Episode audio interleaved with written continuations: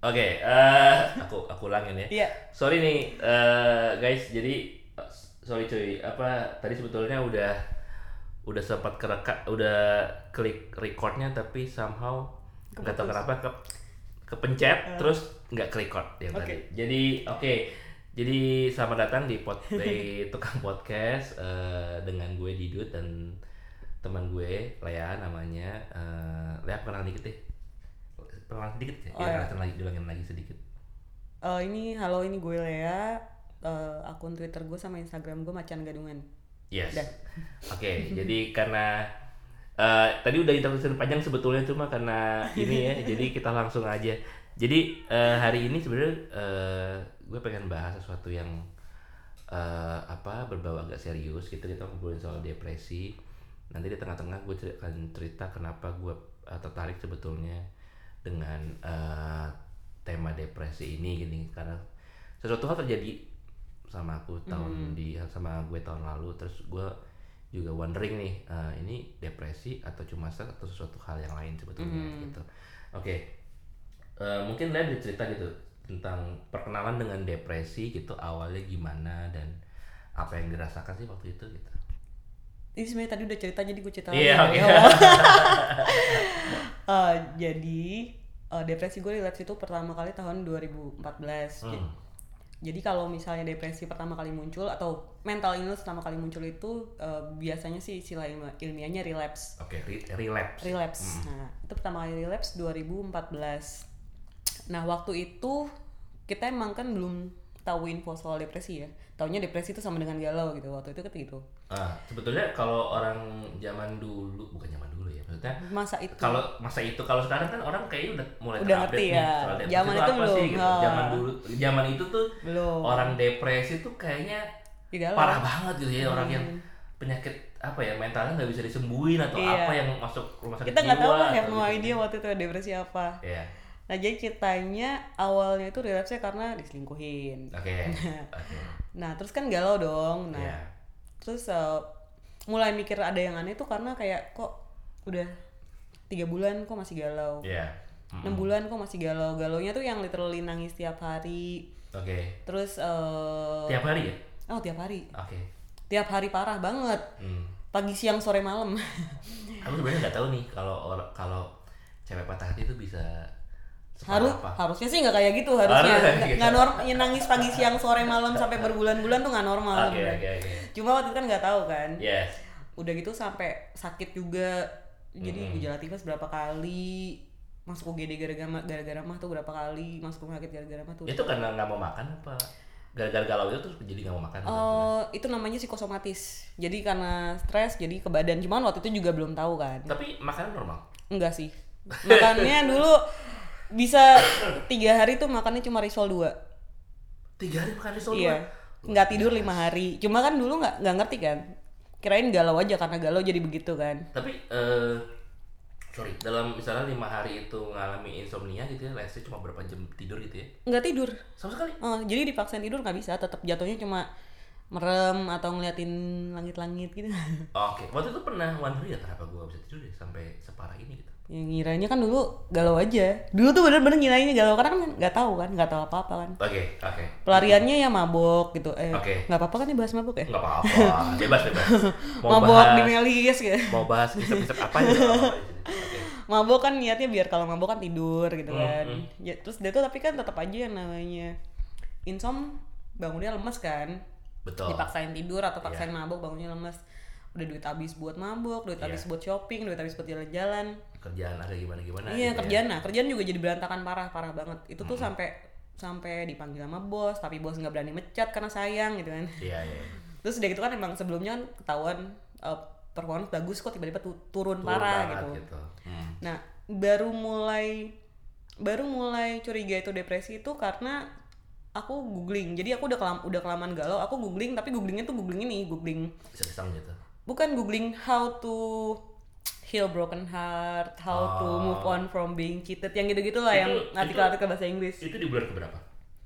itu mungkin udah lewat enam bulan tuh baru baru mikir buat googling baru mikir buat kayak emang orang orang sedih tuh gini ya emang patah Orang hati tuh gini itu gitu, gitu ya? iya Ada itu tuh di dalam proses itu dalam proses kegalauan itu itu ada teman-teman deket yang nemenin nggak Oh iya ada banyak banyak banget sih sebenarnya waktu Hmm. itu. Yang nemenin mabuk banyak, yang bayarin mabuk juga banyak. Karena kasihan kan. Iya. Kayak ayo le mabuk yuk aku bayarin gitu. Ah. Iya jadi sebenarnya support sih banyak makanya itu Hmm. juga mikir kayak hampir tiap hari keluar malam, hampir tiap hari keluar. Terus Hmm. di kantor juga sebenarnya kantor justru cukup support gitu maksudnya cukup kayak cukup mengerti gitu Heeh, jadi kayak kalau udah ngeliat gue nangis di depan monitor kayak Hmm. ya udah biarin aja gitu, biarin aja kasih waktu oke gitu. oke oke Nah terus udah itu setelah googling itulah baru awal-awal kan baca artikelnya ya artikel-artikel tips move on kan lama Iya. Nah sampai suatu hari ketemulah mm, blog eh, ibu-ibu bule Hmm. dia itu eh, diselingkuhin sama suaminya terus dia depresi karena diselingkuhin. oke Jadi dia blog itu aku aja udah lupa sih sekarang. ini blog itu blog personal gitu ya Iya, blog personal, blog personal. Nah, dia jadi mendedikasikan blognya itu untuk membantu orang yang depresi karena diselingkuhi suaminya atau pasangannya. Oke Si ibu si ibu-ibu bule Hmm, inilah hmm. gitu. Setelah dia ceritain soal apa yang dia rasain selama depresi, terus uh, dia ceritain uh, uh, kunjungan-kunjungannya di ke, ke psikolog, ya gue sempat mikir sih ini jangan-jangan depresi kali gue ya. Hmm. Sempat itu jujur baru mikir, iya ya emang bener ya logikanya kan sedih tuh nggak selama ini gitu. betul Terus kemudian langkah gue selanjutnya setelah gue curiga gue depresi, gue googling bahasa Indonesia, bahasa Indonesia. iya googling yayasan konseling, googling psikiater, psikolog. Hmm. Dulu 2014 itu googling depresi eh, di halaman bahasa Indonesia hasilnya cuma isi blog ABG yang lagi patah hati. Ah. Terus bilang, "Aduh, aku lagi depresi nih." Atau eh, ada satu satu yayasan eh, yang nomor yang dia dedikasi untuk oh ada beberapa yayasan sih sebenarnya Hmm. dedikasi untuk uh, mental illness tapi uh, blognya terakhir diupdate 4 tahun yang lalu terus udah gitu Yeah. di- nomornya ditelepon nggak bisa Oke. terus uh, emailnya di, di, di, di- dikirimin email nggak nggak ada yang balas sama balas. sekali jadi Hmm. bener-bener 2014 tuh nggak ada akses sama sekali informasi berbahasa Indonesia yang ada malah artikel suruh mendekatkan diri ke Tuhan kalau depresi adanya itu oke kemudian baru ya udah fokus ke nyari psikolog sama psikiater Hmm. setelah hmm, Tunggu. Ini kan aku orang awam, anggap aja Ah. aku orang awam gitu ya, nggak tahu Hmm. soal depresi sama sekali. Eh, psikolog dan psikiater itu seprofesi yang berbedakah? At- ada perbedaan keduanya atau sama? berbeda Berbeda ya? Iya, psikolog itu terapis yang dokter itu psikiater Psikolog itu terapis, psikiater, Psikiater itu yang dokter. dokter, Oke, ya. jadi kalau misalnya psikolog itu eh sampai selevel apa? Nemenin kamu ngobrol aja, eh, dengerin kamu atau kalau psikolog itu dia uh, fokus ke terapi. Terapi itu sebenarnya ada banyak. Cuma yang Hmm. aku pernah ngalamin itu yang pernah dikasih ke aku itu namanya CBT cognitive behavior therapy. Hmm. tapi katanya ada ada berbagai macam jenis terapi. Aku juga dapat hipnoterapi juga. Oke, jadi itu kayak terapi, tapi bedanya kalau terapi yang cedera-cedera tuh fisik ini lebih ke ke mental, mental, gitu ya? betul Oke. sekali jadi Oke. jadi kita nggak sadar kalau kalau kita lagi terapi dengan caranya dia gitu diajak Oke. ngobrol lah apa segala macam Hmm. kalau psikiater dia uh, aku Mengobati dikasih lah obat ya, Nah, lah aku dikasih dikasih obat. Oke, correct. Nah waktu itu jadi aku nyari lah info psikolog dan psikiater kan. Mm. Setelah dapet informasinya aku telepon satu-satu. Oke. Aku shock dengan harganya. Ah. jadi aku pasti nanya harga dulu. Iya, iya. Psikolog oh, oke harga konsultasi berapa gitu. Rata-rata tuh di atas 500 ribu per jam. Oke. Hmm. Psikiater itu waktu itu akses informasinya juga dikit. Hmm. Eh, yang aku dapet informasinya aku telepon-telepon tuh Iya. 650 ribu per, kunjungan. Per kunjungan. Oke. Itu di luar obat. Ya langsung mundur lah. Keder langsung kan, keder. Iya makanya. Terus Iya. dapet info di UI, UI ada nih, UI Iya. ada. Kayak cuma, konseling gitu ya. ya jadi ada ada lembaga psikolog itu. Cuma masalahnya bentroknya bentroknya itu di jam kerja, Jarak gitu ya. jarak dan jam kerja. Dia Oke. cuma sampai jam 4 sore. Hmm. Terus inisiatif lagi, oh mungkin pasti dia bisa loh, eh, Hmm. bisa dipanggil. Maksudnya kita ke rumahnya aja. Pasti dia punya klinik pribadi kan. Betul. Pas nanya kalau kalau datang langsung berapa gitu. Kalau ke UI itu datang cuma Hmm. 150 sampai 250 ribu. Oke. Pas aku tanya kalau langsung ke rumah berapa? 600 ribu. "Hmm, mahal amat. Ya udah lah udah. Jadi akhirnya udah putus asa lah. Aku nggak udah waktu itu mikirnya udah nggak mungkin ke psikolog lah ya. Jadi aku Iya. googling ini aja artikel-artikel yang gimana How to gitu iya ya. how to how to. Yang meditasi lah olahraga lah eh, eh, diet makanan lah apa itu semua Iya. aku kerjain semua Diet makanan Iya, jadi katanya ada beberapa jenis makanan yang bisa menaikkan hormon tertentu, jadi membantu untuk mengurangi depresi dan segala Wow, macam gitu. Yang pokoknya baru aneh-aneh kayak begitulah. Oke. Itu udah aku coba semua yang jalan-jalan lah, apa segala macam. Iya. Itu eh pada akhirnya aku kira aku sudah tidak depresi gitu. karena udah tidak sedih Oh sedih masih tetap. Cuma karena kan mm, masa itu tetap sampai saat itu masih belum ada akses informasi yang akurat soal depresi kan. Mm, mm, Jadi pada waktu itu aku kira aku sudah biasa. mm. Eh, padahal yang benar ternyata adalah aku terbiasa dengan rasa sakitnya, bukannya sudah sehat. oke Nah, jadi aku terbiasa dengan rasa sakitnya, padahal yang aku rasain itu masih tidak normal. Jadi insomnia masih. oke eh eh, terus apa? Salah satu gejala psikosomatisku itu sesek. Itu masih tiap Sesak hari. nafas. Ya sesak nafas, dada kayak tusuk-tusuk. Tapi terbiasa kan. Mm.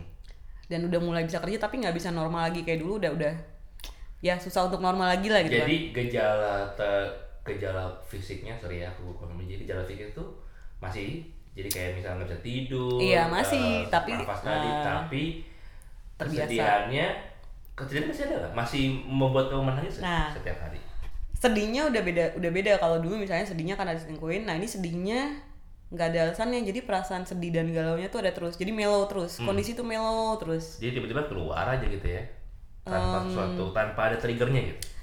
Bukan mellownya 24 jam. Jadi stagnan. Mellow terus terus terus terusan. Jadi makanya jadi Bisa ya? terbiasa. Iya makanya. Nggak masuk akal emang. Memang agak susah menjelaskan konsep mel- mellow 24 jam tuh agak susah. Tapi Hmm. memang eh, kondisinya tuh seperti itu. Oke. Sampai kemudian eh, ketemu trigger yang bikin eh, depresinya jatuh lagi lebih parah karena karena merasa diselingkuhi lagi ah ini Iya. ini udah orang yang berbeda lagi Iya, udah orang yang berbeda lagi. Jadi emang masa-masa depresi, masa depresi aku belum tahu itu aku eh, ya lagi gonta-ganti pacar lah gitu Iya, katakanlah iya, ya. iya.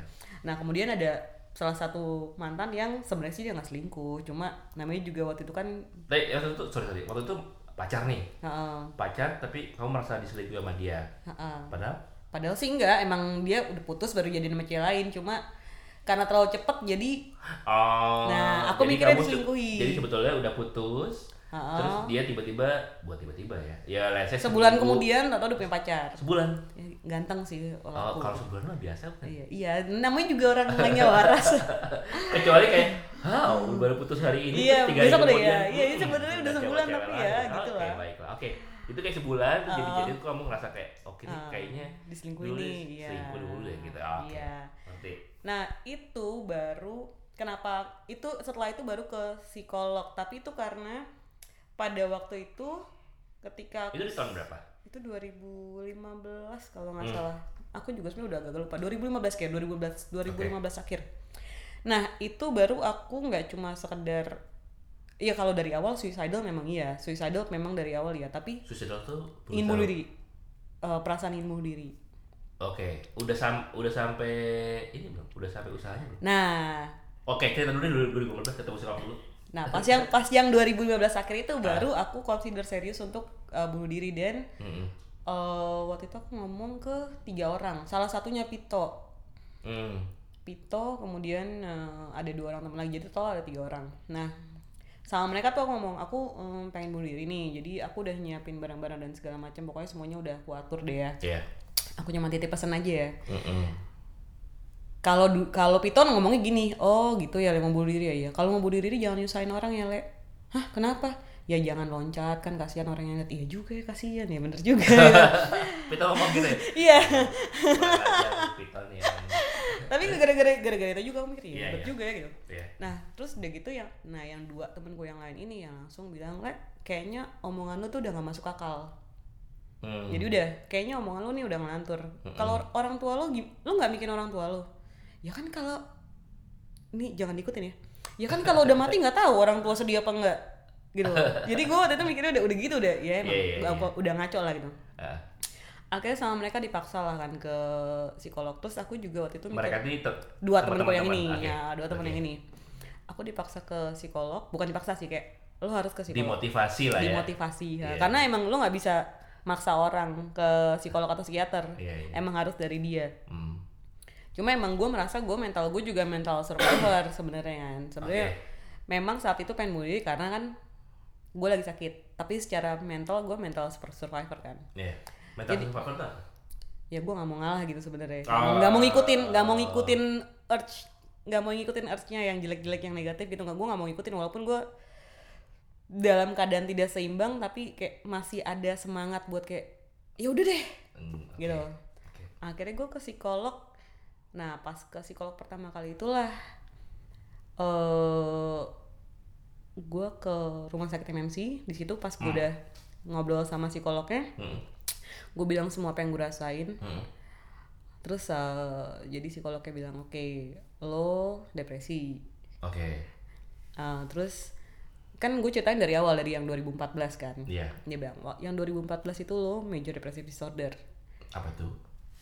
Bahasa manusianya. Eh, bahasa manusia depresi parah banget abis Ah. gitu nah terus dia bilang oke ini lo udah masuk de- depresi nih tapi kita harus mencegah lo sampai ke fase major depressive disorder dia gitu. Oh yang tadi parah banget parah, Iya. Hmm, ya akhirnya udah gue di terapi gue mulai dari hipnoterapi cognitive behavior terapi itu gue total tiga bulan Hipno tuh diapain di hipnotis? iya di hipnotis gitu sebenarnya sih gue ngerasanya sih biasa-biasa aja kayak nggak ngefek gitu sebenarnya tapi Hmm.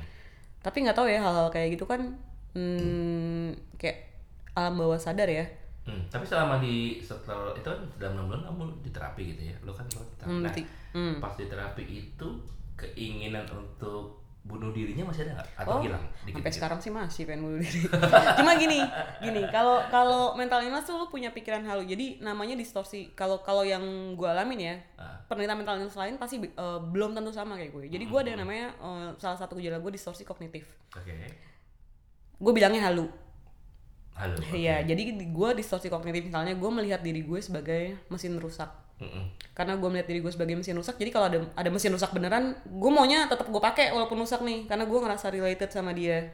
Oke. gue nggak mau jadi barang yang dibuang juga tapi gue ngerasa gue barang rusak gitu gue ngerasa em, harusnya nih barang rusak tuh udah dimatiin aja gitu ngapain dipakai lagi gitu jadi gue punya pikiran-pikiran aneh yang kayak gitu Hmm, terus dari itu kan juga salah satu gejala depresi gue adalah anxiety kecemasan. ya kecemasan yang tidak masuk akal jadi misalnya gue whatsapp temen gue jam 12 malam Mm-mm. terus nggak dibales gue nangis sampai pagi nggak tidur gue nangis gue Ya, nangis kayak WhatsApp udah balas temen. iya gue berpikir Padahal ya dia- ampun temen gue nggak mau nggak mau ngobrol lagi nih sama Padahal gue dia, dia ketidur lagi Iya, apa gitu. padahal dia tidur. Jadi ntar dia, dia jadi gue udah nangis, bener-bener literally nangis sampai jam 7 pagi terus dia Hmm. bales, "Lek kan gue tidur."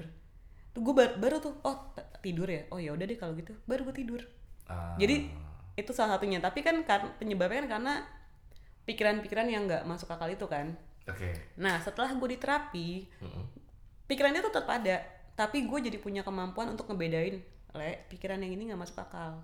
Hmm. gue jadinya adanya itu tapi bukan berarti semua orang pasti akan sama hasilnya sama gue ya Oke. ada yang mungkin malah berhenti maksud maksudnya sama Iya. bisa bisa bisa sama sekali nggak mikir kayak gitu gitu bisa sama sekali berhenti, bisa, bisa sembuh ya tanda iya tanda kutip gitu ya. iya Atau kayak lo yang sebetulnya tetap ada pikiran tetap ada, cuma kayak oke ini nggak benar gitu. iya jadi Oke. gue bisa gue jadi punya kemampuan untuk membedakan mana yang pikiran halu mana yang uh, logis Hmm. nah tapi terus udah gitu gue relapse lagi nah karena ya karena gini jadi ternyata, ternyata nih ternyata gue waktu itu ini nggak sorry guys jadi Eh. ini sebenarnya gue ngerasa ya, aku tuh orangnya sebetulnya gimana ya Eh, apa pun yang terjadi gitu aku berusaha ngambil positifnya. Jadi oke gue gue jadi cerita nih. Jadi ya nggak gini. Jadi tuh aku kehilangan almarhum mamaku di tahun 2004 Nah, Eh, beliau meninggal terus gue nggak bisa cerita tapi gue waktu, waktu itu di luar negeri mhm. waktu itu dalam jangka waktu lama dan waktu itu gue nggak bisa balik kondisinya oh ya gue jadi gue Ya, nggak gua bisa ngerti lihat gimana. mamaku meninggal gitu. bisa eh bukan bisa membayangkan bisa relate lah gimana ya, gitu. ya nah di saat itu tuh eh, gue ngerasa itu titik terendah gue paling rendah gitu Hmm.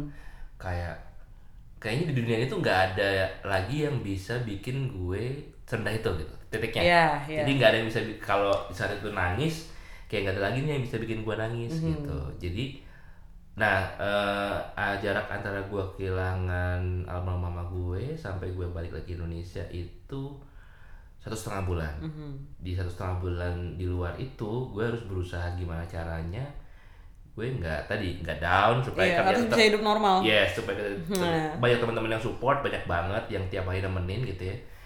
Jadi gitu, jadi gue harus appreciate juga apa yang teman-teman gue lakuin gitu kan buat support gue. Nah, eh, gue berusaha ceria aja gitu, berusaha melihat sesuatu itu, dengan hal yang lebih positif. Jadi gue suka menertawakan dalam tanda kutip hal-hal yang receh gitu. Yang orang lain pikir kadang-kadang biasa sih, tapi buat gue nih kayak lucu nih, harus diapresiasi nih atau harusnya orang jadi marah kalau gue nggak ketawa aja karena gue ketemu sisi angle yang oh nih lucu juga nih gitu. Iya.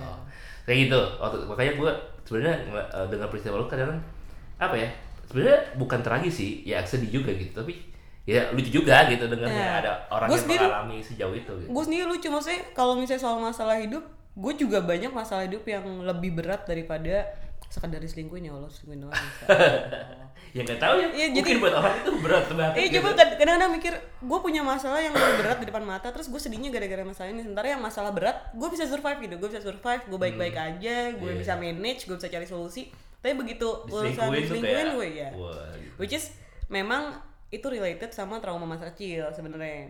Jadi Ah, oke, nah, ada hubungannya gitu ya. jadi kat- jadi katanya eh, memang eh, mental illness ada Trigger. biasanya biasanya eh, biasanya ad- karena ada traumanya. Cuma Hmm. gue bukan dokter jadi gue cuma berdasarkan apa yang kata mereka ceritakan. ya ibu oke. ibu psikolog. Oke apalagi mau tanya? Gak apa-apa. Eh, ini kita ada lagi. Oh ya oke. Jadi sebetulnya kalau boleh boleh gue asumsikan tanda-tanda depresi itu dalam sekian jangka waktu yang cukup panjang kayak nggak ada perubahan ya? Nggak ada Iya, perubahan betul sekali. apa ya? Emosi gitu ya? Kalau Iya. sedih terus gitu apa gimana? Iya gitu. betul. Jadi kadang bahkan bukan bukan cuma sekedar sedih kadang mati rasa jadi nggak ada satupun hal di dunia ini yang bisa bikin lo happy. Gue ingat banget zaman itu ya. Gue gue gue bahkan nggak mau gambar. Hmm. nggak gue nggak mau ngelakuin semua hal yang gue suka. Oke. Sama sekali nggak bisa. Mak- makan pun makan pun di lidah tuh rasanya hambar makanya itu juga salah satu yang menyebabkan gue anoreksia nggak mau makan. Karena oke. gue makan hanya kalau sudah terpaksa lapar banget parah banget udah mau mati baru gue makan. Karena nggak ada rasanya di mulut gue gitu. Wow Iya. aku nggak bisa relate tuh ya maksudnya nggak bisa nggak bisa mikir sampai segitunya gitu Iya sih, rasanya. emang oke ya. nah pertanyaanku yang berikutnya adalah eh, bedanya nih antara dep kan kamu udah pernah ke psikolog Hmm. mungkin udah pernah ke psikiater probably nah bedanya antara depresi dan stres itu apa sih sebetulnya? oke pernah Oh. pernah pernah keluar statement itu nggak maksudnya oke atau psikolog kamu pernah share gitu oke ini sebenarnya kalau orang stres gini depresi tuh ini gitu nah yang bedain stres sedih dengan depresi eh, stres dan sedih itu harusnya harusnya ya Mm, mm. dua minggu selesai harusnya jadi Hmm. maksimal tuh dua minggu habis itu kamu bisa semangat lagi bisa berpikir positif lagi Hmm. nah kalau misalnya ada ada stuck di kondisi yang sama lebih dari dua minggu sampai sebulan dan seterusnya Itu udah berarti udah udah masuk fase depresi sebenarnya. Jadi harus oke. eh mikir oke ini kalau udah sebulan lebih mungkin gue baiknya cek ke psikolog. Tapi stres dan sedih itu menurut gue juga bukan hal kecil sebenarnya. Oh stres dan sedih ini berbeda ya? Ya stres dan sedih kan eh, perasaan normal kita sebagai manusia saat Oke. mengalami masalah kan. Oke. Tapi eh, menurut gue juga itu nggak sepele. Jadi eh, ini agak out of topic ya cuma Hmm. salah satu hal yang paling gue nggak setuju adalah saat orang bilang maksudnya saat ada eh, semacam opini bahwa ya lo cuma stres gue depresi. As if emosi orang lain tuh nggak penting gitu. Kayak Hmm. kayak ada se- seakan-akan ada seratannya enggak Kayak sebenarnya. gitu ya. padahal enggak. Sebenarnya stres stres itu sakitnya sama kayak depresi. Hmm. Bedanya adalah kalau stres atau sedih atau patah hati jangka waktunya tidak selama depresi gitu ada waktunya dia berhenti ada waktunya dia membaik kita Oke. masih bisa lihat silver, silver lining masih bisa semangat silver Tapi- lining itu apa sih karena kan ada ada film tuh silver lining playbook itu loh kalau misalnya lagi di dalam badai gitu terus eh kita yang kita cari tuh silver liningnya itu tanda bahwa di daerah situ tuh badainya nggak ada jadi kita jalan ke arah sana Oh, oke. Gitu. Understand. Oke. Thank you, thank you. nah Ah, iya jadi eh sak menurut gue ya sakitnya sama yang mm-mm. eh, yang bedain adalah ya ya halu halunya ya pasti kan Eh, sama jangka waktunya Hmm. Karena aku menanyakan ini kenapa? Karena tahun lalu Hmm. sebetulnya aku mengalami stres yang menurutku cukup luar biasa. Stres yang cukup luar biasa. Kenapa bisa ngukur kayak gitu? Karena ya tadi, karena aku tahun 2004 kehilangan mama. Mhm. Aku ngerasa kehilangan mama tuh udah kayak tanda kutip stres yang paling berat. gitu. Iya. Maksudnya kehilangan mama dan gak bisa balik ke Indonesia, nggak bisa lihat tuh kayak stres itu luar biasa gitu. Mhm. Eh, terus kema tahun lalu ketika ada konflik dalam tanda konflik dalam kutip dalam pekerjaan aku tuh eh, menanyakan kepada diriku sendiri nih soalnya ini eh, berjalan dua bulan kali ya. Hmm. dua bulan ada dua bulan ada Eh, di mana itu berpengaruh ke pekerjaan ya maksudnya berpengaruh ke pekerjaan tuh ada pekerjaan yang nggak selesai selesai nih ya performa pasti menurun menurun. Mhm. Eh, sebetulnya kalau eh, di internal sih aku nggak nggak ada yang menurun, cuma klien beranggapan eh, aku turun gitu. Performa menurun, iya. Performa lu tuh kok kayak kayak lu tuh level ini harusnya lu bisa ngasih gue ini. gitu. Mhm. Nah tapi itu memang ada hubungan sama konflik dengan klien, tapi eh, itu berpengaruh ke gue yang ini kerjaan kok nggak selesai selesai ya. Iya. Harusnya yang kerjaan let's say seminggu selesai, ini ada kerjaan yang dua bulan nggak selesai selesai gitu. Nah, udah gitu lo tambah stres lagi karena kok kerjaannya nggak selesai selesai. Jadi udah stres karena kerjaannya, stres Yes. lagi karena kerjaannya nggak betul, selesai ya. betul. Eh, aku berusaha mas waktu itu berusaha positif aja oke ini kayaknya ada lag di gue nih Ah. ada kurangan di gue tapi gue harus berusaha so ya pokoknya gue harus bisa kasih apa pun yang bisa gue kasih Hmm. at the end at the end sebetulnya akhirnya diterima pekerjaan maksudnya hasil pekerjaan itu da, ya kan itu panjang ya dua Hmm. bulan dengan konflik-konflik di dalamnya tapi ya gitu klien ya oke lah ya lu udah berusaha se- sekuat cuma ini yang lu bisa kasih ya udah gue gue terima udah that's it itu Hmm. yang menghasilkan gue resign waktu itu Ya. tapi di tengah-tengah itu di tengah-tengah apa stres yang tinggi itu gue sebenarnya eh, berpikir gue kayaknya butuh bantuan orang lain nih Iya, pasti. gitu butuh bantuan orang lain bukan psikolog bahkan gue tadinya mikir mau ngobrol sama Mas Aji Silarus Oh, Mas Aji. ya Ya. Mas Aji ini sebenarnya minggu ini eh baru hari ini sih ngobrolin soal depresi loh Oh iya. iya hari ini hari ini hari Di mana? ini dia bikin ter- di Twitter Oh, di Twitter ya? Oh. Iya makanya unik kali ini. Wow dia ngobrol. Oke bikin tema soal depresi. Oke anyway waktu itu gue pengen ketemu Mas Aji. Iya. Gitu. Eh, gue kayak pengen mengkoreksi ini salah di mana nih? Bukan salah di mana. Jadi apakah memang aku nggak sesimpel nggak bisa memenuhi ekspektasi klien? Ataukah memang karena stres terus eh, kemampuan gue buat mengerjakan sesuatu itu menurun? Atau ya gue stres aja gitu. Sebenarnya pekerjaannya tuh kayak sama-sama aja, cuma karena apa stres banget jadi nggak bisa ngerjain gitu tadinya mau ketemu terus tapi karena udah jalan keluar waktu itu ya udah resign aja karena ya sesimpel udah jadi personal matters jadi apa pun aku kayaknya nggak bakal bisa memuaskan klien Hmm. Ya udah resign aja waktu itu gitu Tapi even even stres aja tuh sebenarnya eh, kondisi yang kalau lo nggak bisa selesai sendiri, emang lo butuh bantuan orang. betul Kalau lo ke psikolog atau psikiater, most likely ya, walaupun misalnya lo datang dengan misalnya emang diagnosa lo cuma stres, most likely lo akan di, di, diladeni dengan profesional karena stres Iya. adalah salah satu eh, bentuk emosi yang ekstrim kan. betul Itu bi- bisa mengganggu kesehatan, bisa mengganggu pekerjaan, bisa Iya. mengganggu hubungan lo dengan orang lain. Dan juga punya potensi untuk mengarah ke depresi. oke Pot- iya iya. semua sem- eh, kalau misalnya kayak, kayak kalau gue dari trauma tapi kalau misalnya lo nggak dari, dari trauma misalnya dari dari stres kerjaan itu tetap aja ada possibility untuk jadi eh, sesuatu yang lebih parah. Hmm. Tetap aja ada potensi. Jadi kalau misalnya udah ngeganggu kerjaan justru itu sebenarnya alarm. Iya itu alarm alarmnya. Kalau udah Alarm pertamanya gitu itu ya. alarm pertamanya jangan sampai kalau gue sih akan bilang gini jangan mengulangi kesalahan gue dua tahun tidak selesai. ke tidak ke oh psikolog dia psikolog. Itu berat. Gue itu hoki karena gue gue juga gue gue jujur aja ya gue bener-bener hoki banget. Satu karena gue disupport sama banyak teman. Dua kantor gue sangat sangat sangat pengertian sama kondisi gue. Hmm. gue tuh udah udah apa ya gue yang zaman itu tuh zaman performance gue menurun. Eh kantor gue kan base nya Southeast Asia oke Ah, jadi eh, eh, kayak semua orang semua kantor sesuatu Asia tahu performan performance gue menurun Hmm. Hmm.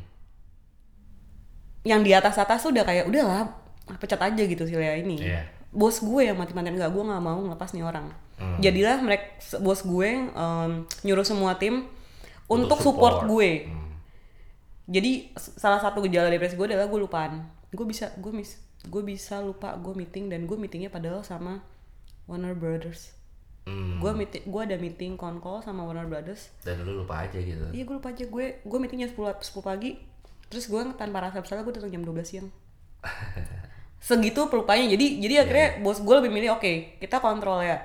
Gue di gue dikasih list kerjaan. Jadi gue tiap hari tuh di Di reminder. Oh, reminder. Le, lo hari ini ngerjain ini ini ini. Kemudian Iya, semua orang semua orang bener-bener ngasih gue apa ya ngingetin gue Hmm. jadi gue bener-bener tiap jam tuh diatur dari jam sekian sampai sekian gue ngerjain yang ini sekian sampai sekian Oh, gue hati sekali ya teman-teman. Iya. Itu Ta- lu bertahan di situ sampai kapan? sampai sekarang gue masih Oh masih. Oke. Yes. Nice to hear. Oke. tapi nggak semua orang punya privilege itu masalahnya gue yakin betul, banget gue yakin betul. 100% kalau lo kerja di tempat lain lo di cut udah Iya. not even bahkan terpikir untuk nawarin lo Karena bisnis is bisnis gitu. Iya. Mereka pasti nggak bakal kepikiran nawarin lo, "Eh, lo mau nggak coba ke psikiater dulu di tanggung kantor lah. Iya, iya. Ka- Kantor gue jangan nanggung psikolog dan psikiater gue. Cuma maksudnya, at least mereka ngasih gue kesempatan gitu. loh. Gue itu butuh, gue butuh eh, dua tahun untuk KPI gue balik ke atas rata-rata lagi. Hmm. Eh, wait, no no, tiga tahun. Jadi satu tahunnya itu terapi. Setelah gue, during gue terapi baru em, performance kerjaan gue cuy ke atas langsung bener-bener langsung bedanya Melejit tuh aja, jauh banget parah ha. Oke. Itu tahun berapa tuh? Udah normal lagi. 2000 2016 lah Oke. 2016 bener tapi ya gitu itu karena gue hoki kalau di perusahaan lain nggak mungkin lo dikasih kesempatan Oke. kayak gitu Hmm. Back kalau ke sekarang sebenarnya lu masih depresi. ya gue lagi lagi lagi proses minum obat dari psikiater Ah, Oke, karena kan sebetulnya waktu lu cerita di Twitter kayaknya oh Lea ini kayaknya masih depresi nih kan ceritanya kan gini ya kan. gue juga nggak ngerti sih sebenarnya kayak kok depresi katanya bisa sembuh gitu kan tapi kok nggak sembuh sembuh cuma ya memang ada gue juga kurang ngerti sih Oke, enggak tunggu. Oh. Ini eh, sampai level minum obat ini karena lu mengalami apa? Karena ada triggernya gimana? triggernya apa ya Enggak ada trigger sama sekali. ada ada ada ada ada ada ada Apa stres karena nggak ada muncul-muncul terus? Tri- triggernya triggernya diselingkuhin lagi sih triggernya merasa diselingkuhin lagi sih ya Merasa, tapi sebenarnya Oh. enggak. gimana yang menjelaskannya ya Putus gak? Pernah punya pacar lagi gitu maksudnya? Eh, jadi jadi jadi jadi setelah gue ke ke psikolog dulu jadi Hmm. gue agak-agak mengalami apa yang namanya apa tuh namanya takut komitmen gitu kan Oke, oke. jadi jadi jadi gue lebih sering HTSan lah Oh, Nah. kasih cowok-cowok itu terus lanjut. kemudian adalah yang yang terakhir ini eh, datang sebenarnya dia mantan gue yang lama-lama juga mantan nongol lagi terus eh, bilangnya mau serius Sebenarnya cari penyakit. Oke, terus terus bilangnya mau serius terus bilang, dulu ya pelan-pelan dulu ya pelan-pelan Iya. dulu." terus terus tuh eh, si mantan ini tahu nggak kondisi kamu? tahu Tahu ya. tahu dia Oke. tahu dia tahu banget Oke. justru di situ sih salah satu yang bikin gue kecewa ya dia tahu soalnya dia salah satu yang eh waktu gue relapse pertama kali dia salah satu orang yang nemenin gue tiap malam untuk nangis lewat telepon sih tapi maksudnya dia tahu gue dulu tuh separah apa Iya. nah jadi ketika dia datang lagi maksudnya gue dia pengen serius gue gue pengennya ntar dulu nih ntar Iya, dulu Kayak pelan-pelan lah ya. Iya pelan-pelan gitu. lah ya. Kemudian kemudian kan emang tahun kemarin gue lagi banyak banget masalah jadi bokap gue stroke kemudian bokap gue meninggal jadi kan itu Oke. semua overlap lah overlap semuanya. Nah kemudian gue found out ternyata di belakang gue dia ngedate sama lima cewek yang berbeda. Hmm. Ah, Eh, tapi ini hubungannya nggak ada status. nggak ada ya? status sih Oke. cuma posisinya waktu itu dekat. eh, deket dan yang yang gue tahu waktu itu gue persepsi gue adalah dia sedang berusaha meyakinkan gue bahwa dia orang yang tepat buat gue. Oke, jadi dia Jadi sebenarnya nggak ada kita nggak dalam open dia relationship. sebenarnya mau jadi nama lo, cuma lo bilang pelan-pelan deh. Iya, gitu. jadi waktu itu persepsi gue gitu. Jadi gue nggak tahu gue yang kegeeran apa dia yang jago ya. Udah lah, akhirnya gue eh find out. fa- sebenarnya sih dia yang ngaku sih akhirnya dia yang ngaku. Oh dia ngaku. Iya, sebenarnya akhirnya dia ngaku terus oke. eh sebagai wanita logis pada umumnya ya gue mundur lah pasti. Tapi masalahnya the damage been done.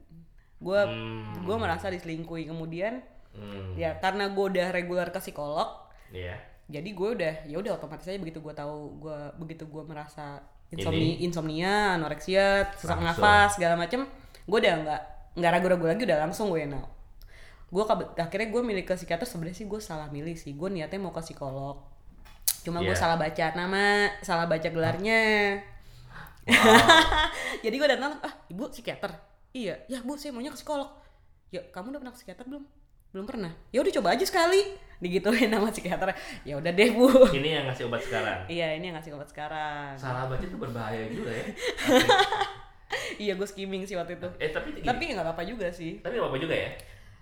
Gue pribadi gue pribadi sebagai sebagai pengidap depresi dan eh, yang udah ke psikolog dan psikiater gue pribadi akan selalu menganjurkan kalau hmm, mental illness sebaiknya lu ke psikolog dulu jangan ke psikiater dulu gue pribadi ya Iya. opini gue pribadi menurut gue lu ke psikolog dulu karena lu harus belajar kayak ngecek dulu, dilihat kondisinya, Iya. di, kayak berusaha diperbaiki dulu kondisinya gitu. ya karena eh lo harus belajar dulu bisa bedain mana pikiran lo yang halu mana yang benar dan lo harus bisa be- bisa belajar dulu nenangin diri sendiri tanpa obat. Hmm, hmm, karena memang saat, saat gue efek gue nyobain obat gue juga Hmm. mikir-mikir juga. Gue se- sebenarnya dari awal gue anti banget psikiater sih karena menurut gue bisa bikin gue takut bisa bikin ketagihan takut. Ketergantungan. Iya ketergantungan kan. Dan emang setelah gue ke psikiater dan gue minum obat gue merasa efeknya tuh cepet banget Efek, Efek, eh, sembuh dalam tanda kutip. Iya merasa sembuh. Ah, walaupun nggak nggak segampang itu juga ya kayak insomnia gue gue gue gue eh, obat yang untuk tidur itu udah sampai dinaikin eh, dosisnya karena nggak ngefek-ngefek gitu loh. Tapi hmm. memang aku emang gue akuin em, ini prosesnya agak lebih cepat daripada psikolog. Cuma gue tetap sih menurut gue lebih penting ke psikolog dulu baru lu psikiater. Kecuali kalau lo sakitnya modelnya kayak skizo itu pasti memang akan dianjurkan ke psikiater Oke. Oke, next question. Berapa how much yang kita harus habiskan dengan psikiater? Jadi supaya teman-teman tahu nih. kalau nah ini soal duit nih ya. sama psikiater gitu kan. sebenarnya sama aja oh rata-rata itu 2 juta sebulan 2 juta sebulan. Rata-rata. Psikolog dan psikiater. ya sama aja tapi kalau misalnya lo niat nyari yang murah banyak ada di pasar minggu ada di Depok ada di mana lagi ya RSUD puskesmas puskesmas gratis pakai pakai BPJS Puskesmas ada. ada jadi yang puskesmas yang aku tahu yang ada psikiater itu puskesmas Menteng sama Setiabudi Oh ini psikiater ya. Mm-mm. Mm-mm. Kalaupun eh, maunya ke psikolog, tinggal minta rujukan aja ke psikolog rumah sakit mana. Jadi ke jadi pakai BPJS ke puskesmas minta rujukan ke psikolog. Oke, jadi eh, untuk ke psikolog atau psikiater itu untuk ke psikiater itu sebenarnya ada di puskesmas. Puskesmas ada psikiater. Kalau nggak ada tinggal minta rujukan gitu ya. Yes. Oke. Tinggal minta rujukan. Cuma kalau gue orangnya nggak mau repot. Iya, iya, jamnya betul, betul. masalahnya jamnya. Iya betul, betul, betul. Ada hal kayak gitu. Iya. Nggak bisa. Jadi mau nggak mau ya gue cari yang termudah aja langsungan. Cuma Ini- kalau misalnya mau repot ya gitu bisa ke RSUD, bisa Iya. ke puskesmas. Ini udah berapa lama eh, yang lalu ke psikiater? Oh, gue psikiater. Kadang kayaknya belum lama ya. Iya, oh, November lah kalau nggak salah. Iya. Oke. Itu obatnya buat berapa lama? targetnya sih enam bulan ya kecuali enam bulan ya? Heeh. maksimal Itu sekali dikasih atau dia akan ngasih? oh masih dikit dikit Oh, masih cuma dikit-dikit. oh cuma karena eh, kayak kan ini udah berapa kali dateng jadi Hmm. begitu setelah udah percaya sama gue gue dikasih sebulan dikasih jatah langsung sebulan obatnya Oke, biasanya enggak. biasanya enggak dua minggu Dua seminggu Jadi dalam dua minggu tuh harus datang lagi, minta Iya. resep, tapi kayak dicek dikit. iya jadi ada Oh. konsultasi lagi Kayak cek terus gitu ya. gue bahkan mau obat belum habis misalnya gue datang cuma buat konsultasi juga boleh Hmm. kayak gitu modelnya Oke. Eh, menurut lu buat mengatasi depresi ini bisa tanpa harus ada support system nggak sih support system maksudnya teman-teman keluarga Oh, harus. dekat Harus siapa banget. aja sih harus lo mau duit lo ada berapa miliar juga kalau lo mau, mau ke dokter paling mahal sedunia juga kalau nggak punya support system sih lo nggak bisa sih iya sih sebetulnya aku wondering karena kan ada ya orang-orang kayak di dunia ini yang bunuh diri gitu ya Iya. terkenal gitu ya Iya, nggak bisa. Hmm. kan kalau orang kalau gue gitu sebagai orang yang belum mengenal depresi gitu kayak ini orang kenapa ya maksudnya kayak nggak punya masalah ya gue kan Robin, Robin Williams lah gue nangis itu Iya itu juga aku lihat sih. Iya. Kayak dari filmnya yang terakhir iya kan asli. Adab gitu kan. iya Terus kayak gitu tuh sedih banget. gue nggak pernah artis meninggal gitu ya. Men- men- meninggal terus gue nangis gue nggak pernah orang nggak kenal ngapain nangis? Iya, tapi baru itu doang tuh baru baru baper tuh gue tuh. Berapa tahun lalu ya yang di sadar meninggal siapa ya? Cewek. oh iya. Yang mana sih? Ada. Belum terkenal kok. Punya brand terkenal. Aduh apa? Dora ya? Karen siapa sih? Bukan bukan. Ah lupa. Iya, udah, tapi dia terus karena istriku yang suka fashion Oh, oke. Terus aku wondering kan. Ini aku bilang sama istriku Hmm. eh, karena waktu itu aku lagi di masalah tadi Hmm. terus aku bilang sama istriku wondering gak sih orang-orang tuh sebetulnya uang tuh memang bukan masalah gitu. Iya. Karena berapapun uang yang lo miliki ini orang yang uangnya bagikan hujan Iya. gitu. Terus Tapi tapi, kalau- ya Oh, diri tahu. aja gitu. Kate Spade ya. Dah oh, iya. Gitu. Maksudnya apa masalahnya apa gitu? Orang yang, Iya. yang bisa bikin dia bunuh diri itu apa gitu? Support system iya atau yang si food jurnalis oh iya blogger. Oh, bukan Ah, blogger? blogger food jurnalis dia. Si- oh dia blogger juga ya? Iya dia ada blognya. Gue yang food jurnalis yang bunuh diri itu. Iya. Gue gue baca postingan itu kan dia. karena Hmm, selingkuhan juga ya Iya. diselingkuhin kan? Maksudnya orang yang well known bukan dikenal banyak orang Iya. ngerasa buat aku dikenal banyak orang networking orang percaya sama dia tuh oke terus kayak punya masalah ya. Uang tuh bukan Iya. masalah gitu ya. Iya. harta bukan masalah tapi tetap aja In the end, gitu. ah, lo At the butuh- end, ya bisa lo butuh orang, juga iya. gitu. Karena emang gue sih gue sih ngerasain banget ya. Gue ngerasain banget psikolog ngebantu. Tapi yang bikin gue punya motivasi buat sembuh itu sebenarnya support system gue teman-teman gue gitu. Kalau nggak gue kagak tau deh mau gue psikolog tiap hari juga kalau gue nggak ada teman-teman gue gue gue nggak tahu sih nggak tahu gue Oke, terus eh, apa sih yang bikin Lea begitu terbuka di Twitter untuk sharing cerita soal depresi? Ini Madrid soalnya Ah. kan cukup aktif nih sebetulnya cerita soal depresi. karena gue ngerasain sendiri 2014 itu gue googling nggak ada di mana-mana itu tuh gue kayak gila ya Indonesia nih up banget ya masalah kayak gini lo nggak ada yang nggak ada satupun Hmm. Nggak ada orang yang gitu iya ya. ngasih informasi gitu terus gue mulai terbuka dan, dan memang terinspirasi sama si ibu-ibu blogger bule inilah karena Iya, iya. gue ngerasa gue bener-bener ngerasa terbantu banget sama dia kayak gila semua semua ibu-ibu tuh curhat di eh, komen blognya dia.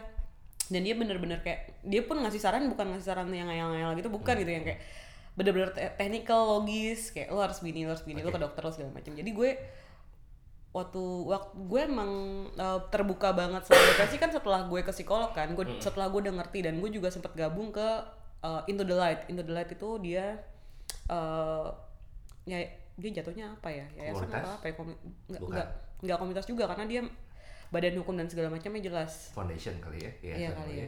Hmm. Into- Nah jadi gue sempat jadi volunteer di Into the Light. Itu isinya semuanya waktu itu masih psikolog psikolog gitu lah psikolog. Hmm, hmm. jadi gue makin banyak tahu lah kan nah ya udah gue eh, berpikir ya udah gue pakai blog gue sama twitter gue untuk ngobrol terbuka soal mental illness. Jadi orang tuh tahu harus ke mana ngapain. Karena sem- itu semua yang gue tweet tuh sebenarnya semua kebingungan gue yang dulu gue alamin. Oke. tapi gue nggak tahu jawabannya. Jadi gue eh gue tweet tweet lah gue share di blog dan segala macam. Dan untungnya juga pas itu into the into the light pas banget dia juga emang lagi ngarah apa ya lagi berusaha eh, campaign juga soal mental illness kan. Into the light naik kayak Sanboy naik jadi akhirnya banyak banyak yang naik. Dan itu sih eh tapi gue sampai sekarang masih kayak masih tetap nge-tweet kadang-kadang sih cuma nggak sering dulu ya. Hmm. tapi eh, kalau gue sekarang nge-tweetnya lebih ke karena mas stigma tuh masih ada stigma masih ada dan ada backfire-nya juga karena orang makin aware sama mental illness. Backfire-nya adalah orang hmm, eh, mengsuges dirinya punya mental illness oh. yes jadi oke. mengklaim punya mental illness Padahal sih kemudian mungkin enggak. Ah, padahal mungkin hanya enggak. Ya. Yang dia bisa manage gitu. ya itu itu memang apa ya pedang bermata dua sih semakin semakin semakin awareness soal mental illness disebarkan semakin orang eh bukannya posing ya tapi apa ya eh eh, mengira mengira dirinya mental illness dan dan eh, memilih untuk pakai cap itu tanpa ke Psikolog. Psikolog. Oke, ngerti. Oke. Ah, menarik sebetulnya. Nah, eh jadi yang mau aku tanyakan sebetulnya kalau depresi udah sampai level seheavy kamu, gitu, Mm-hmm.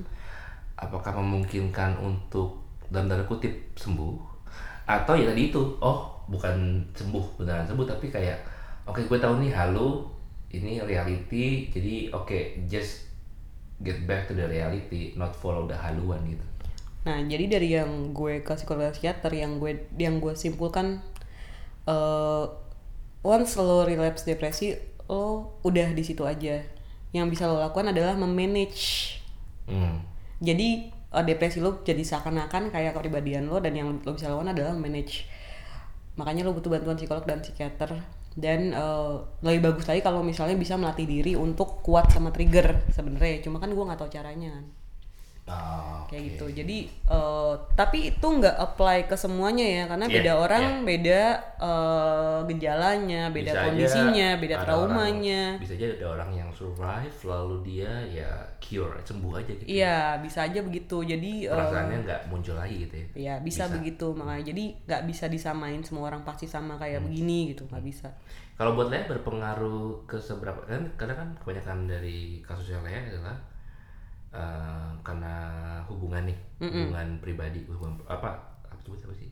Kok jadi relationship? relationship gitu. Nah, ya bagaimana itu mem- mempengaruhi Lea untuk ke relationship berikutnya? Maksudnya karena Lea kan? ya ya ya Eh, sorry, eh, di Lea accept untuk konsep perkawinan nggak atau masih ingin menikah punya anak atau ya udah gitu? Hmm, tadinya tadinya enggak tadinya gue pikir gue nggak mau nikah gitu cuma eh, pas ke sini ke sini sih gue mikir you know nggak ada marriage yang 100% perfect sih nggak Iya, mungkin iya. gitu kan pasti Oke, jadi nah. lebih ke acceptable acceptance accept- acceptance ya betul sekali Oke, maksudnya kan konsep pernikahan itu masih ada nih buat Lea. Nah, bagaimana hal itu mempengaruhi Lea untuk memilih orang apa ya, memilih pasangan untuk eh, melakukan hubungan gitu. Maksudnya eh, apakah jadi kayak takut banget nih gue dilukain lagi terus gue depresi lagi gitu gimana?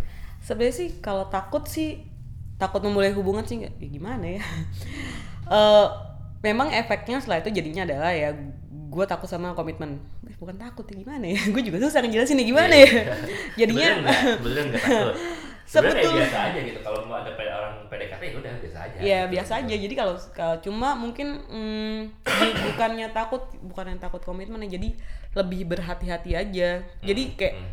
Kalau kalau teman-teman gue bilang hobi gue nggak friendzonin cowok nggak nggak friendzonin gitu tapi emang gue butuh waktu lebih lama lama. Iya, gue butuh waktu lebih lama untuk sampai ke komitmen pacaran dulu deh nggak usah ngomongin komitmen mau nikah Iya, iya. pacaran dulu deh Terus tiba-tiba nih, misalnya nih, ada, ada misalnya kita bikin kasus nih, Hmm. ada cowok PDKT, terus lu kan bilang, eh kayak oke gue set lama dulu deh gitu. Hmm.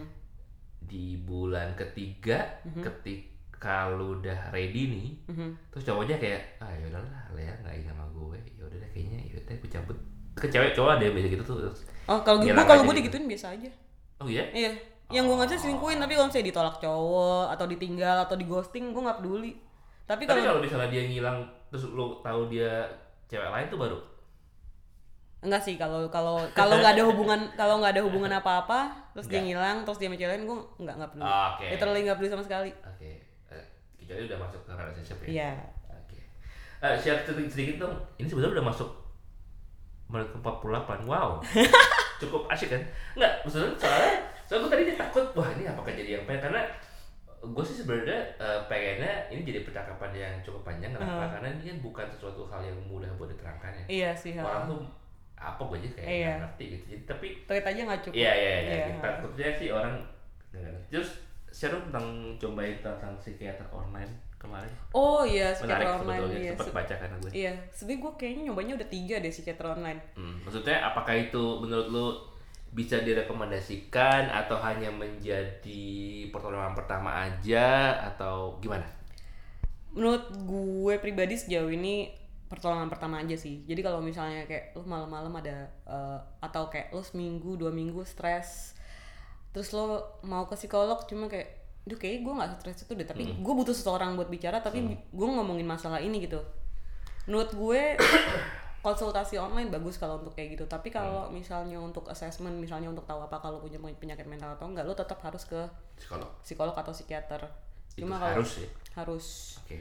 karena menurut gue konsultasi online itu nggak cukup Eh kalau misalnya ada konsultasi via phone call mungkin lebih baik cuma kalau chatnya chat itu tuh lo ngetik Kayak kurang gitu. eh, lo ngetik udah panjang lebar terus eh, dia kan harus baca dulu Mm-mm. harus mikir dulu baru bales kan jadi jatuhnya satu jam itu tuh bener-bener Cepet banget. gitu. cepet banget cepet banget parah jadi eh, gue nggak dapet apa-apa Lu harus bayar berapa buat chatting satu jam itu? itu 150 apa kalau nggak salah ya 100 ribu apa 150 per gitu sesi ya? Per Iya, satu jam? per jam heeh. Oke. Tergantung tergantung psikolognya yang nangani karena kan itu psikolog profesional kan Mm-mm. jadi ada ada ada ada harga harganya psikolog yang ini harga segini yang ini harga segini Nggak ada yang call ya? nggak ada gue udah udah nanya udah nanya like empat empat ya empat apa lima Hmm. Mereka udah pasang akan ada yang call Tapi belum ada. Tapi semuanya nggak ada. Oke, boleh share nama-nama websitenya? Eh, kli.id Kli. oh, oh, itu Instagram deh kayaknya Oke. itu kli.id dia juga eh, Kli itu gimana spellingnya? Sorry. oh iya bener juga ya Betul. Kilo London Eho Eho saya saya pastiin dulu Apalagi Iya. mungkin nanti aku cantumkan di kolom deskripsi Iya, kita ya. iya. Oke, berikutnya. Nih, kok uh, kilo Oh, London. ID Oke. India Delta. Hmm. Kemudian ada Save Yourself. Save yourself. Ini kayaknya lumayan terkenal ya, soalnya Hmm. sempet di siapa? Aukarin tuh. Oh, Dia dia kat, depresi dia, ya? dia kan katanya ke situ ke saveyourself.id. Wow. Kalau kalau saveyourself.id kan bisa dia ada fitur chat di web. Dia ada fitur chat di web. Oke. Save your- bahkan awalnya merasa depresi ya. Kalau aku sih menurutku sih eh, Dia depresi. Aku nggak bilang depresi sih tapi menurutku sih pasti ada pasti ada penyakitnya sih maksudnya gini dengan fame segitu banyak tekanan segitu banyak nggak mungkin kamu bisa hidup dengan normal pasti ada stres atau apalah pasti pasti ada Hmm. apalagi dia kan basically drama ya or, gue juga drama gue juga Oh, drama Membangun membangun fame dengan drama tapi kan Nggak, maksudnya- kayaknya awalnya biasa-biasa aja. Maksudnya nggak yang kayak dulu karena dia udah mulai maintain ke Dan kayak udah mungkin juga model, udah tambah dewasa juga gitu kan. Ya. Heeh. kayak maksudnya kan orang orang orang drama gitu drama tanda kutip maksudnya memang logika gue sih pasti ada yang entah dia gampang stres atau sensi jadi menurut gue wajar aja sih Oke. Oke. Saveyourself.id ini dia ada fitur chat di webnya. Oke. Nah itu menurut gue fitur yang paling oke banget. Jadi gue gue tuh tuh chat. Tapi waktu itu gue inget banget gue ngechat tuh sebenarnya cuma mau nanya direktori eh, eh rekomendasi psikolog yang eh, di atas jam 7 malam masih buka gitu. Instead of ngasih tahu dia malah nanya, oke lu punya masalah apa lu lu nggak mau coba cerita dulu ke gue nih gitu. Oh. Ya, nah kita komunikasi lewat email. Dari itu gue jadi gue Jadi. Nah, gue puas enak banget gitu karena ya. gue pa jawabnya panjang, eh ya gue ceritanya gitu. panjang, terus dia balasnya juga panjang dan eh, terstruktur gitu loh, nggak ada judgement, nggak ada apa ya, nggak ada dia juga nggak ngasih diagnosa, emang bener-bener dengerin aja. dengerin aja gitu. Responnya juga yang kayak oke apa yang lo rasain, waktu lo ngerasain ini, eh lo inget nggak triggernya apa? Jadi bener-bener Hmm. kita diajak mikir gitu loh Hmm. terus akhirnya eh, akhirnya gue ke keburu ke psikiater kan tapi maksudnya sepanjang gue sebelum ke psikiater itu gue merasa apa ya Cukup dibantu. ya cukup terbantu Oke. Selain itu selain itu relief relief. relief ini ya dia dia online juga relief di mana ya Kenapa orang-orang pakai bahasa Inggris ya? Emang agak susah ya buat bikin yang bahasa Indonesia gitu. relief ini apa Romeo India London India Victory Oke. ini dia aku aku coba sampai Itu ke app atau website. dia ada appsnya ada websitenya nah dia ini lewat chatline curhatnya Hmm. Oke. Yang ada lagi selain itu selain relief? Aku lupa apa aja ya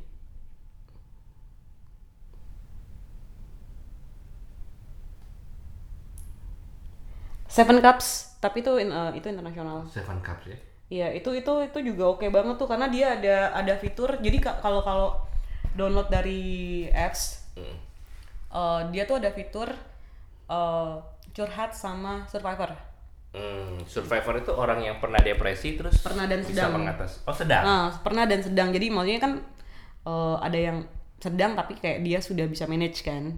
Jadi dia ada ada ada ada satu menu itu kamu curhat random nanti akan ada orang random jawab. Dan itu orang-orang ini orang-orang yang memang sudah kayak udah diseleksi lah. Jadi memang Iya. tidak semua orang bisa asal respon kamu. Itu supaya membantu mereka juga sebetulnya. Iya, bantu mereka dan kalau waktu itu gue kan sempat curhat sama bu, eh, eh, dia orang bule cowok. eh dia waktu itu gue curhat di situ pas lagi masih lagi pengen-pengen bunuh diri. Hmm. Nah, dia cerita eh, kayak lo jangan lakuin itu. Gue waktu itu nyoba bunuh diri pakai pil tidur kata dia. Hmm. Eh, ternyata dia masih bisa diselamatin tapi dia bilang dia sudah dua tahun apa tiga tahun gak keluar kamar karena dia cacat. Hmm, ada yang rusak lah. ya. Iya, ada yang rusak dan dia harus eh, eh, hidupnya tuh cuma bersandar sama apa sih? Sosial apa? Yang duit bulanan yang dikasih buat jadi karena Oh, dia iya, penyandang iya. disabilitas, Tahu, jadi dia dapat dari negara kan. Iya, iya, dia bilang iya, jadi gue nggak pernah keluar kamar, gue hidup gue cuma ngandelin itu gitu. Hmm. Jadi kayak lo jangan bunuh diri karena ya kalau apes-apesnya lo gagal lo malah menderita seumur hidup gitu loh. Dan bikin repot orang lain. Iya. Jadinya ya gitu maksudnya jadi di Seven Cups itu Seven Cups itu menurut gue yang paling yang paling banyak fitur yang membantunya sih Seven Cups. Cuma ya itu dia bahasa Inggris. Bahasa Inggris. Dia juga ada online counseling juga ada tapi bahasa Inggris. Oke. Oke, udah 55 minutes. Actually menarik gitu. Tadinya aku ekspektasiku adalah saat minimal satu jam, kalau lebih is okay gitu. Ah. Jadi karena memang ya orang harus kenalin aja Iya. gitu. Nanti kalau mau bikin lanjutan juga boleh gitu. Kita Siap. bikin lanjutan. Tapi eh, oke, buat closing buat episode kali ini eh, gimana sih tanda-tandanya kita kenalin teman-teman kita, sahabat atau atau anggota terdekat nih keluarga gitu mengenali kalau mereka tuh depresi gitu dan kita tuh harus kayak Oh, aware iya. gitu kalau Ini penting banget tuh sih, bener. depresi Bener gitu kan. bener bener. Soalnya kita sering nggak sadar kalau orang di sekitar kita justru Depresi. depresi, atau selain depresi kan ada yang lain ya baby bipolar segala macam. Iya. Yang paling gampang banget untuk ngeliat adalah pertama performance kerja menurun drastis. Itu yang paling gampang banget. Mm-mm. Kedua perhatiin dia mulai jarang mandi kah? Oh gitu ya Hmm. Hmm. Terus uh, jam tidurnya gimana? Dia bisa tidur nggak? Terus udah gitu, Oh. ha Tapi yang yang paling yang kedua yang paling kelihatan memang itu dia sudah tidak merawat dirinya lagi. berarti kalau misalnya dia masih bisa tidur masih bisa dandan masih bisa menjaga dirinya itu berarti sebetulnya belum depresi ya masih stres mungkin Mungkin. Hmm. Tapi masalahnya tetap aja bisa aja dia masih bisa mandi dan dan dan dan tidur. Tapi misalnya dia nyilet-nyilet tangan hmm. atau Ada sih. ya atau performance kerjanya menurun. Jadi nggak bisa nggak bisa 100% udah pasti itu. Makanya nggak bisa dilihat dari hanya satu dua gejala. Itu dia harus ada beberapa gejala ya. Itu kayak tadi aku bilang performance kerja menurun. Kemudian mulai tidak eh, eh, memikirkan penampilan. Terus kelihatan jarang tidur. Hmm. kelihatan eh, kelihatan banget berat badannya menurun drastis atau naik drastis. Misalnya dalam satu bulan dia turun 5 sampai 10 kilo atau naik 5 sampai 10 kilo. Itu itu salah satu tanda yang paling mudah dilihat. Tapi memungkinkan nggak ada orang yang tampaknya normal, Hmm. eh, pekerjaannya kelihatannya baik-baik aja, eh, dia nggak berubah gitu ya. Mhm. Terus tapi ya tetap aja karena depresi dia tetap pengen bunuh diri gitu. Kayaknya ada nggak sih kayak gitu? Susah, pasti ada perubahannya. Sepengetahuan kamu gitu. Karena gini ada 10 gejala depresi yang umum. Seseorang itu baru bisa dibilang depresi kalau dia memiliki 8 gejala dari 10 gejala itu. I see. Jadi eh, kalau misalnya ke- beda kalau misalnya dia memang sudah terapi ya sudah kayak kayak gue gini kan gue depresi tapi gue kelihatan normal karena ya gue udah terapi gue minum obat Yeah. itu tapi kalau yang relapse yang benar dari awal dia nggak tahu dia punya depresi terus tahu depresi harusnya dia punya minimal 8 gejala Oke. jadi nggak mm, nggak bisa sembarangan tapi gue gue mau ngingetin lagi yang namanya kesedihan dan stres itu adalah tetap emosi yang invalid dan sak- rasa sakitnya eh bukan invalid emosi yang valid dan rasa sakitnya juga valid gitu jadi Iya, iya, kayak iya, iya. oke orang sedih eh, jangan hanya karena dia kelihatan kelihatannya baik-baik aja terus Iya, kita jadi meremehkan kesedihannya dia gitu karena gue gue gue ngat orang kecenderungannya gitu Iya, gue sih dulu nggak cuekin sih, tapi kayaknya bukan depresi nih, ini stres doang. Ah. Cuma karena stresnya kayak heavy banget, gue butuh bantuan orang lain buat meredakan stres gue. yes Tapi sebelum itu terjadi, gue udah resign duluan. Terus kayaknya ya udah hilang. Berarti emang emang penyebab stres lo tuh Iya, itu. Iya, karena tekanan badan kan hilang Iya, tuh. iya, iya. Deng gitu. Berarti lu Oh, menjauh dari racunnya ah, sih. Haleluya gitu. Dan ya itulah, nanti gue cerita lagi. Dan memang prediksi gue bener berarti, oh waktu itu gue emang cuma stres. Nggak, eh kan gue udah bilang nggak boleh ngomong cuma stres. Ah, nggak boleh ya? Iya, jangan ngomong cuma stres. Stres itu bukan cuma karena dari stres bisa kerjaan berantakan, bisa lead ke depresi. Oke. Stres adalah tetap emosi yang valid dan bisa mempengaruhi kehidupan lo. Jadi lo juga harus meng, apa ya, menganggap serius em, emosi lo sendiri. Hmm. Kayak gitu. Ada tips yang bisa dilihat teman-teman nggak kalau dia eh, bukan belum masuk depresi nih, lagi stres kayak berat banget gitu kayak kayak aduh ini kayaknya nggak selesai kenapa sih gitu. Ada ada beberapa tips yang bisa dilakuin buat melihat kalau ini kayak kalau tip ini oh kalau nggak kalau nggak keluar juga ya berarti gue depresi gitu harus ke psikolog nah apa ada tips juga Kalau yang tips yang buat kasarnya buat galau gitu ya.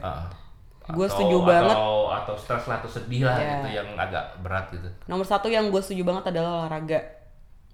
Olahraga, olahraga itu ngeban- ngebantu banget. Cuma kadang-kadang kalau orang lagi begitu kan malah malas ngapa-ngapain ya. kalau gue malah malas olahraga iya pasti malah malas ya. olahraga, malah malas olahraga. Kedua reach out sih ke teman-teman. Iya. iya. Itu- itu, uh, support system gitu Ya ya. support system. Jadi kalau kalau lu nggak punya temen, eh Susah tuh. Iya sih emang ada sih yang nggak punya teman atau ada punya teman tapi nggak percaya sama temannya sendiri. Atau dia bukan punya bukan nggak punya teman, teman dia kecil banget. Sangat Circle kecil sangat- banget. circle kecil Sementara yang satu lagi sibuk sama urusan Apa, istrinya sama iya. anaknya ya. Kadang-kadang sih ada kondisi Gitu. Itu lo harus ngertiin sih maksudnya walaupun lo lagi stres lagi apa, even lo lagi depresi ya, Iya, even lo lagi depresi separah apa pun lo tetap harus ngertiin kondisi kalau misalnya support system lo lagi nggak bisa Tapi kayaknya nemenin ter- lo. yang terbaik harus tetap cerita kali ya. Memang yang terbaik harus tetap cerita tapi lo juga harus ngertiin tidak hanya karena lo stres, hanya karena lo depresi, tidak berarti Hmm. semua orang wajib untuk uh, handle Dengerin. masalah lo dengerin lo. Jadi Oke. emang support system perlu emang itu nomor satu kalau misalnya lo nggak punya support system yang memadai lo reach out lo ca- lo lihat Hmm. orang-orang di sekeliling lo lo bahkan eh, yang paling gampang itu gabung komunitas sih yang paling gampang Ada gab- ya? Mm-mm. Be- komunitas apa pun jadi Oh, dari situ lo punya temen Buat aktif aja. yes gitu. dari situ lo punya temen jadi gak, menurut gue tuh kalau misalnya lo gak punya support system yang memadai lo cari komunitas Lucunya dulu kalau gue patah hati gue tak naktir teman-teman gue. wah enak banget ya lu pat Makanya. ya lu udah udah kawin ya nggak bisa patah hati ya Enggak, waktu itu gitu tuh. Oke, jadi pokoknya waktu gue pacaran sama sorry itu ya cerita tentang waktu gue pacaran sama istri gue, Hmm. teman-teman circle gue yang dekat waktu itu, Hmm. sekarang sudah berubah kayaknya. Itu pada kecewa. Wah, nggak ada yang nakal lagi nih lagi nih. Karena gue begitu gue patah hati tuh udah ketahuan tuh pasti gue suka yang traktir.